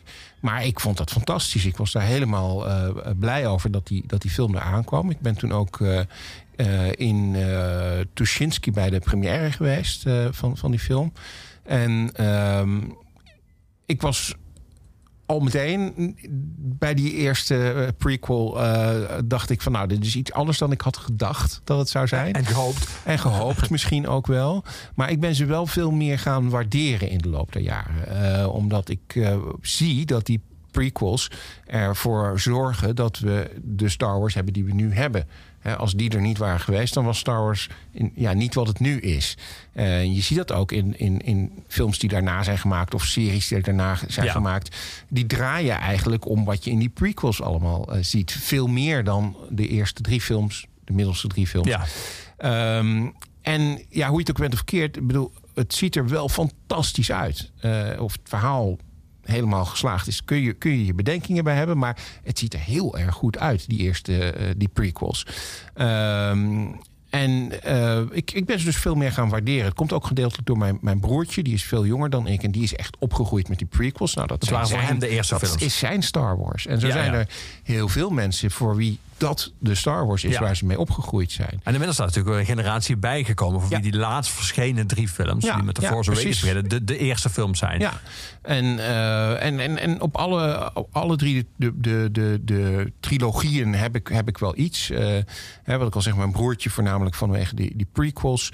Prequels die, die ook over, over haat eh, gesproken heel veel haat hebben opgeleverd voor bepaalde acteurs die daarin zaten. En die daar ook echt best wel een flinke douw door hebben Ja, gekregen. er zat één personage, een Jar Binks. Ja. eh, dat was een, denk ik, het meest gehate Star Wars personage Ja. ooit. En die, die acteur heeft zelfs eh zelfmoordpoging gedaan... ja. dat hij zo... Klopt, Ahmed Best, die, die, die inderdaad een zelfmoordpoging heeft gedaan. Een paar jaar geleden is hij daar eigenlijk voor uitgekomen. Ehm, en dan zie je dus dat, dat eh, zo'n film mensen heel erg passioneert. Maar soms dus ook op een verkeerde manier. Dat je echt denkt van nou, zo erg hoeft het nou ook weer niet. Ehm, en die nieuwe eh, trilogie, eh, een goede vriend van mij, eh, Justin van der Lek, die heeft gewerkt aan de speciale effecten van, van in ieder geval zeker de eerste film. Later heeft hij ook nog voor de tweede film een aantal dingen gedaan. Maar de eerste film, hè, die, die scènes op Jakku, als, als je. Als, als, die, als de Millennium Falcon door die, die neergestorte Star Destroyers vliegt. Daar heeft hij aan gewerkt. En ik ben hem op een gegeven moment ook gaan opzoeken... toen hij bij ALM eh, in, in, in San Francisco eh, werkte. Ja, dat was fantastisch. Eh, hij kan er sowieso heel enthousiast over vertellen. Ja, maar het is, is ik zit nu al te kwijt als je het, het is, vertelt. de om, om daar, ja, om daar te komen. hey, je loopt daar het terrein op. Daar staat dan de beroemde Yoda Fountain. die alle Star Wars fans wel kennen. Dan kom je in de lobby. En dan ga je vervolgens dus echt achter de schermen. Ja, dat is je hele jeugd die daar gewoon staat. Alle, eh, alle attributen, eh, originele ruimteschepen. Niet alleen Star Wars, ook Roger Rabbit, E.T., eh, noem het maar op. Alles staat daar. Eh, en dat was echt fantastisch om dat, eh, om dat te kunnen, kunnen zien. Dus heel veel geluk dat, dat Justin toen daar werkte. Later werkte hij in Nieuw-Zeeland bij Weta. Ben ik ook op bezoek geweest. Eh, dus daar hebben we ook een, een tour achter de schermen gehad. Dus dat zijn wel fantastische dingen. Ja, ja. Je maakt er een podcast over. Jouw Ja. geeky, zoals je het zelf noemt. hobby's en fantasieën en, en, en, en passies. Maar je verzamelt ook echt, hè? Ja. Heb Ja, jij bijvoorbeeld, klopt. je noemde net, je zei als kind had ik Star Wars speelgoed. Dat, dat, dat originele speelgoed van toen. Eh, er zijn zelfs mensen die dat nog, zoals ze dat noemen, op kaart hebben. Die hebben Ja, dat nooit ja, ja, ja. uitgepakt. Want het heel bijzonder dat je als kind besluit, dit ga ik maar niet openmaken. Nee, nee, klopt. Maar heb jij alles van toen ook bewaard? Of heb Ja, je... het, het, eh, sta- dat heb ik allemaal nog. Eh, het, het staat wel in opslag, want mijn, mijn huis is niet zodanig groot dat ik dat ook nog allemaal neer kan zetten. Maar dat heb ik allemaal nog, ja.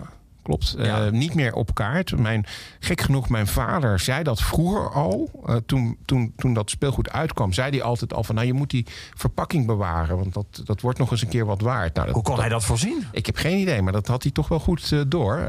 Dat hebben we dus niet gedaan overigens. Dus die verpakkingen hebben we niet meer. Maar ja, dat zei hij altijd vroeger al. En ehm, ja, nu zijn sommige van die poppetjes echt, echt honderdduizenden euro's Ja, ja, waard... als je die in, in de originele verpakking nog hebt. Ja. Ja, ja. Je, je zei net eh, dat, dat die interesse die verbreden langzamerhand. komt ook interesse bijvoorbeeld voor Star Trek bij. Eh, voor sommige mensen zijn dat, zijn dat soort Beatles en Stones. Ja, en veel klopt. erger. Oasis en Blur. Al Ja. die.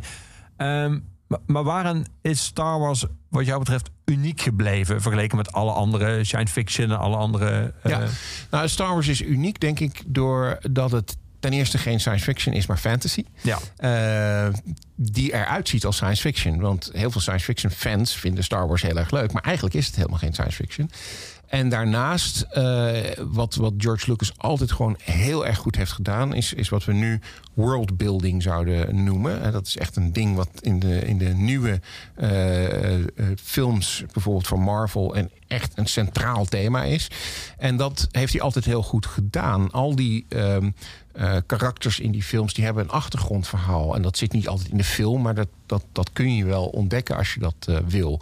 Hè, wat ik bijvoorbeeld toen, ik weet nog, de eerste Star Wars film, episode 4, hè, A New Hope.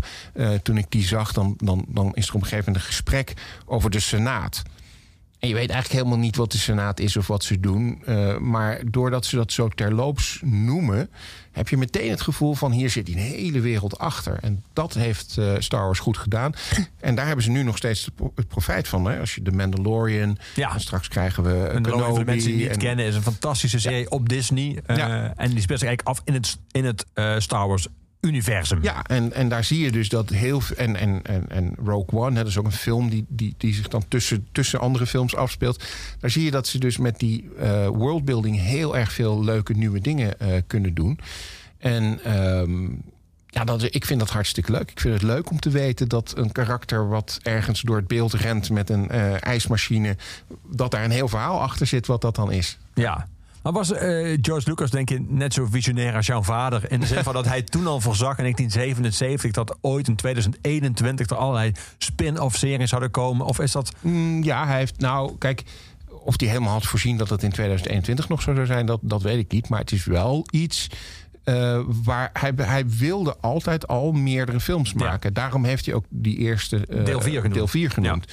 Ehm, en ook die merchandising, eh, dat is wel visionair geweest. Hè? Dat, dat, dat was voor Star Wars, bestond dat al wel. Het was niet zo dat het nog nooit was gedaan. Maar het was nog nooit zo gedaan. En het was nog nooit zo aangeslagen als dat met die eh, films eh, is gebeurd. En daar heeft hij natuurlijk uiteindelijk ook het meeste geld aan verdiend. Ja. en uiteindelijk heeft hij het nu verkocht aan Disney voor nog, nog veel meer geld. Ehm, dus hij had zeker wel een visie. En, en ehm, eh, George Lucas is daar later wel een beetje van teruggekomen. Hè? Want op een gegeven moment voelde hij zich min of meer gevangen in zijn eigen gouden kooi. Waardoor Ja. hij eigenlijk de dingen die hij misschien had willen doen, de wat meer artistieke films niet meer kon, eh, kon maken. Ehm, maar eh, ja, het is zeker iets waar hij toen al een bepaald beeld bij had. Ja. Ja. Heb jij heel veel geld in je hele leven aan George Lucas gegeven? Zeker, ja, ja. Nee, ik heb daar ooit bij een eh, andere podcast... die heet eh, Onder Mediadoktoren... eh, wel eens een, een stukje over ingesproken. Hè. Dat, dat, daar was de vraag inderdaad van... voel je je eigenlijk niet misbruikt als fan... omdat je zoveel geld uitgeeft aan bedrijven die al heel veel geld hebben... en zeker nu Disney is... Uh, maar ik voel me daar niet door misbruikt. Ik vind het zelf leuk om die dingen te hebben... of om, om te verzamelen of om ergens heen te gaan... En dat brengt mij plezier. Ja. Uh, en ja, inderdaad, daar verdienen ook mensen heel veel geld aan. Dat is zo. Maar uh, ik vind dat niet per se iets heel negatiefs of zo. Nee, of niet. Als toch iemand heel veel geld mag verdienen die al veel geld heeft, laat het dan George Lucas zijn. Dan laat het maar George Lucas Ja. zijn. Ja. Maar heb je daar ook eh, in politiek opzicht iets aan gehad, Star Wars? Het is natuurlijk een serie die ook echt heel erg nadrukkelijk gaat over de, de strijd van het goed tegen het, tegen het kwaad. eh, en, en alle tinten eh, daarin. eh, Zowel eh, aan, aan de ene kant als aan de andere kant. Goed is niet altijd alleen maar goed, kwaad is niet alleen maar kwaad. Eh, ik zou me kunnen voorstellen dat dat op een, op een eh, politiek of filosofisch eh, niveau, zowel als straf, strafrechtadvocaat als nu als volksvertegenwoordiger, ergens wel ter inspiratie kan dienen. Zeker. eh, meer, meer op een filosofisch niveau, denk ik, dan politiek. Want ik hoop niet dat we het soort politiek zoals we in die films zien eh, in Nederland gaan krijgen. Maar goed, eh, maar wel filosofisch inderdaad. Het idee dat er ook grijstinten zijn. en dat mensen vaak met de beste bedoelingen slechte dingen uiteindelijk doen. Dat zie je in het strafrecht natuurlijk ook wel terugkomen. Niet altijd, want er zijn ook mensen met gewoon slechte bedoelingen. Maar soms is het ook dat je iets goeds wil doen en dat pakt dan helemaal verkeerd eh, uit. Ehm, en ja, er zit heel veel politiek, zeker in die, in die prequels. eh, ehm, wat ook weer gebaseerd is gedeeltelijk op de Amerikaanse politiek. Ehm, en wat je daar ook wel ziet, eh, is denk ik een soort. Ook misschien wel een vooruitziende blik naar, naar populisme toe. Want dat is eigenlijk. En maar het is natuurlijk een soort terugblik, hè, want het slaat eigenlijk een beetje op de Tweede Wereldoorlog en op Nixon. Maar het is wel iets wat we nu ook weer zien. Dat je dus eh, sterke leiders eh, hebt die eh, onder het mom van allerlei goede dingen die ze willen doen, uiteindelijk de hele democratie eh, om zeep eh, helpen. Dus in die zin zit er wel zeker een waarschuwing in die films. Ja. Ja. We gaan muziek draaien, Sidney. We gaan luisteren naar het laatste nummer van jouw keuze. We gaan luisteren naar Elton John met Rocket Man. Ehm, waarom, waarom hij? Nou, ik ben al eh, vrij lang een, een, een fan van eh, Elton John. Gewoon eh, vanwege zijn muziek, die nou ja, overigens wel een beetje alle kanten op is gegaan in, in, in de loop van zijn carrière. Maar Heb je hem ook als live gezien? Ja, Ja. eh, dat, is, dat wil, wil ik eigenlijk zeggen. Want ik heb hem twee jaar geleden met mijn ouders eh, live gezien in Amsterdam. En eh, dat was heel erg leuk. Het was een fantastische show. Het is een, sowieso een fantastische showman. Maar het is, was ook in een hele... Dome. In de Ziggo Dat Dome. was eigenlijk zijn afscheidstoer toch al? Klopt, ja. de Yellow Brick Road Ja. Tour. Ehm, een fantastische show, maar ook heel leuk om, om dat met mijn ouders samen te kunnen, kunnen zien. Dat je dus ziet dat er, ondanks dat er behoorlijke generaties verschil in zitten, dat we het allemaal heel erg gaaf en leuk eh, vonden. Er was ook een hele goede sfeer in die zaal, moet ik zeggen. Heel veel eh, gewoon enthousiaste, vrolijke mensen die allemaal blij waren dat ze Elton John nog een keer eh, konden zien. Ehm, ja, en die film die was net uit, dus dat, dat is ook een hele leuke film. Ja, we gaan hem luisteren. En iedereen die eh, luistert nu en eh, Elton John eh, interessant vindt of grappig vindt of goed vindt of leuk vindt, lees vooral ook zijn autobiografie Ik Elton, die is echt briljant. Rocketman van Elton John. She packed my bags last night, pre-flight. Zero hour, 9 a.m. And I'm gonna be high as a kite by then.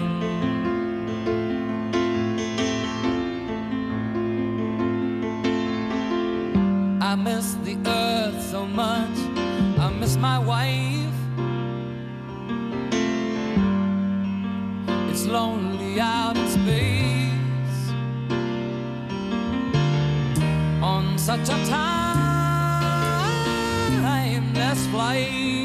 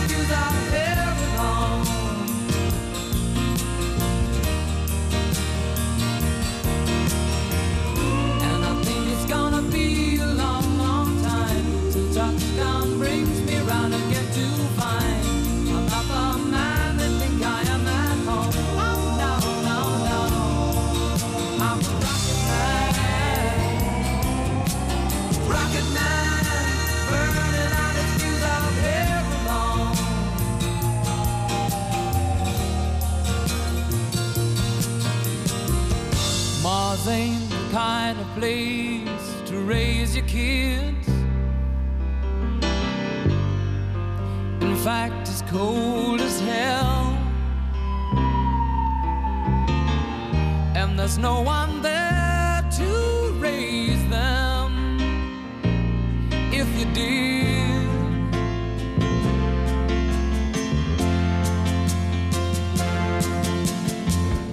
and all the science I don't understand. It's just my job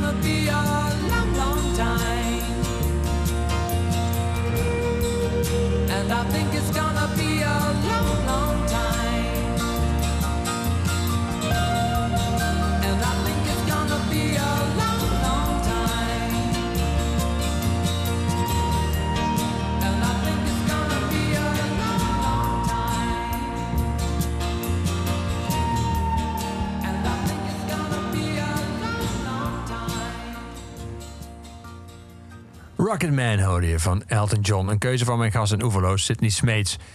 Sydney, laten we even uitgaan dat er niet nog een keer verkiezingen komen. Dat jij gewoon de komende vier jaar in ieder geval minstens in de Kamer eh, zit voor D66. Eh, wat, heb, heb je een soort voornemen waar je in ieder geval over vier jaar wil je, is er een punt waarop je iets binnengehaald wil hebben of bereikt wil hebben? Of Zeker, een ja. wetsvoorstel er doorheen wil hebben gekregen of iets? Ja, nou sowieso zijn er een aantal wetsvoorstellen die, die eh, al lopen, waar ik in het verleden bij betrokken ben geweest. Hè. De, de, op, eh, de achterdeur van, het, van de koffieshop. Dat moet nu naar de Eerste Kamer. En moeten we zorgen dat we daar een meerderheid voor eh, krijgen. We hebben vorig jaar al besproken. Ja, toen zat ik niet in de Kamer, maar goed, D66 heeft eh, besproken dat er een strafbaarstelling van eh homogenezing moet komen. Ah ja, Nou, dat gaan we dus ook proberen voor elkaar te krijgen. Ehm, het persoon- en familierecht, dus met name meer oudergezinnen, daar moet ook echt iets aan gebeuren. Dat hebben we nu ook afgesproken in het eh, regenboog stembusakkoord. Dus daar hoop ik ook dat we daar iets mee eh, kunnen gaan doen. Ehm, maar het belangrijkste punt voor mij is, is, is nu in eerste instantie gewoon de rechtsstaat. Er Ja. is een heleboel aan de hand. We hebben die toeslagenaffaire eh, gehad. En een heleboel mensen hebben het gevoel dat ze in ieder geval niet meer de rechtsstaat hebben die ze zouden willen hebben. Hè, dat ze moeilijk toegang tot het recht hebben. En daarvoor wil ik me gaan inzetten. Ik wil in ieder geval zorgen dat mensen op een betaalbare manier goede rechtsbijstand kunnen krijgen. Dat advocaten die in de sociale advocatuur werken ook gewoon fatsoenlijk betaald worden. Er is al lang onderzoek naar gedaan dat daar veel geld bij moet. Dus dat moeten we gewoon gaan regelen. En ik hoop dat we eh, in ieder geval geen wetten meer gaan maken waarvan eh, de meerderheid van de, van de mensen die in de praktijk daarmee moeten werken zeggen van ja, maar dat, dat willen we helemaal niet. Dus dat we iets rationeler kunnen gaan nadenken, iets minder met de onderbuik. En eh, nou ja, als jurist hoop ik dat ik mensen kan overtuigen vanuit mijn praktijkervaring dat we sommige dingen beter niet kunnen doen en andere dingen misschien juist wel. En dat is dus vooral investeren, ook investeren in de, in de uitvoering. Ja, als je kijkt naar, ik zei dat net al heel even, eh, bijvoorbeeld zedendelict. Het is vreselijk als je dat overkomt. Maar het is nog erger als er vervolgens helemaal niks mee gebeurt. Als je als slachtoffer het gevoel hebt van de politie doet niks. Ja. Nou, daar moeten we gewoon voor gaan zorgen dat er meer ruimte en tijd komt bij de zedenpolitie om zaken op te pakken en om ze uiteindelijk bij de rechter te brengen. Ja. Nou, dan heb je genoeg te doen. Denk het wel, ja. En daarnaast zijn er natuurlijk de, is er de politieke actualiteit, eh, kamervragen die we, die we gaan stellen. Er liggen er al een paar klaar voor volgende week. Ehm, ja, dat blijft ook doorgaan. Tot slot, als iemand nou heeft geluisterd, zit in jouw eh, eh, liefde voor Star Wars. En die denkt, ik heb die films allemaal nooit gezien. Waar moet ik beginnen? Wat zou jij iemand aanraden om, eh, wat is het beste instappunt, vind jij? Ja, dat is een hele goeie. Ehm, er zijn heel veel verschillende volgordes waarin je deze films kunt kijken. Ik ben zelf een voorstander van gewoon de, de chronologische volgorde. Dus van, of, in de zin van 1 tot en met en dan 9. Oh, oké. Eh, dus niet eh, beginnen bij deel 4. Ehm, wat overigens ook kan. Eh, maar eh, ik, ik zou zelf zeggen, volg gewoon het verhaal van A tot Z. Eh, maar hè, als, je, als het mensen zijn, als je bijvoorbeeld een vriend of vriendin wil overtuigen waarvan je eigenlijk weet van nou, die zullen er niet meteen heel enthousiast van worden. Ja, dan zou ik wel beginnen gewoon bij deel 4. En dan zitten De er. oerfilm, zeg de maar, oer- ja, de 1977. allereerste. Eh, die ooit uitgebracht is. En dan zijn er op internet een paar hele goede eh, eh, guides te vinden. Waar, waarbij je een, een leuke volgorde kan vinden. Van nou ja, als je dat dan daarna kijkt. dan is de onthulling die je in de volgende film kijkt. is, is spannender. Ehm, want dat is wel een nadeel als je het in, in de volgorde van 1 tot en met 9 kijkt. Dan zijn een aantal onthullingen die je later ziet. Ja, die zijn niet meer zo spectaculair. Want dat weet je dan al. Ja, dus, ja. ja. En jij, wat is jouw favoriete volgorde?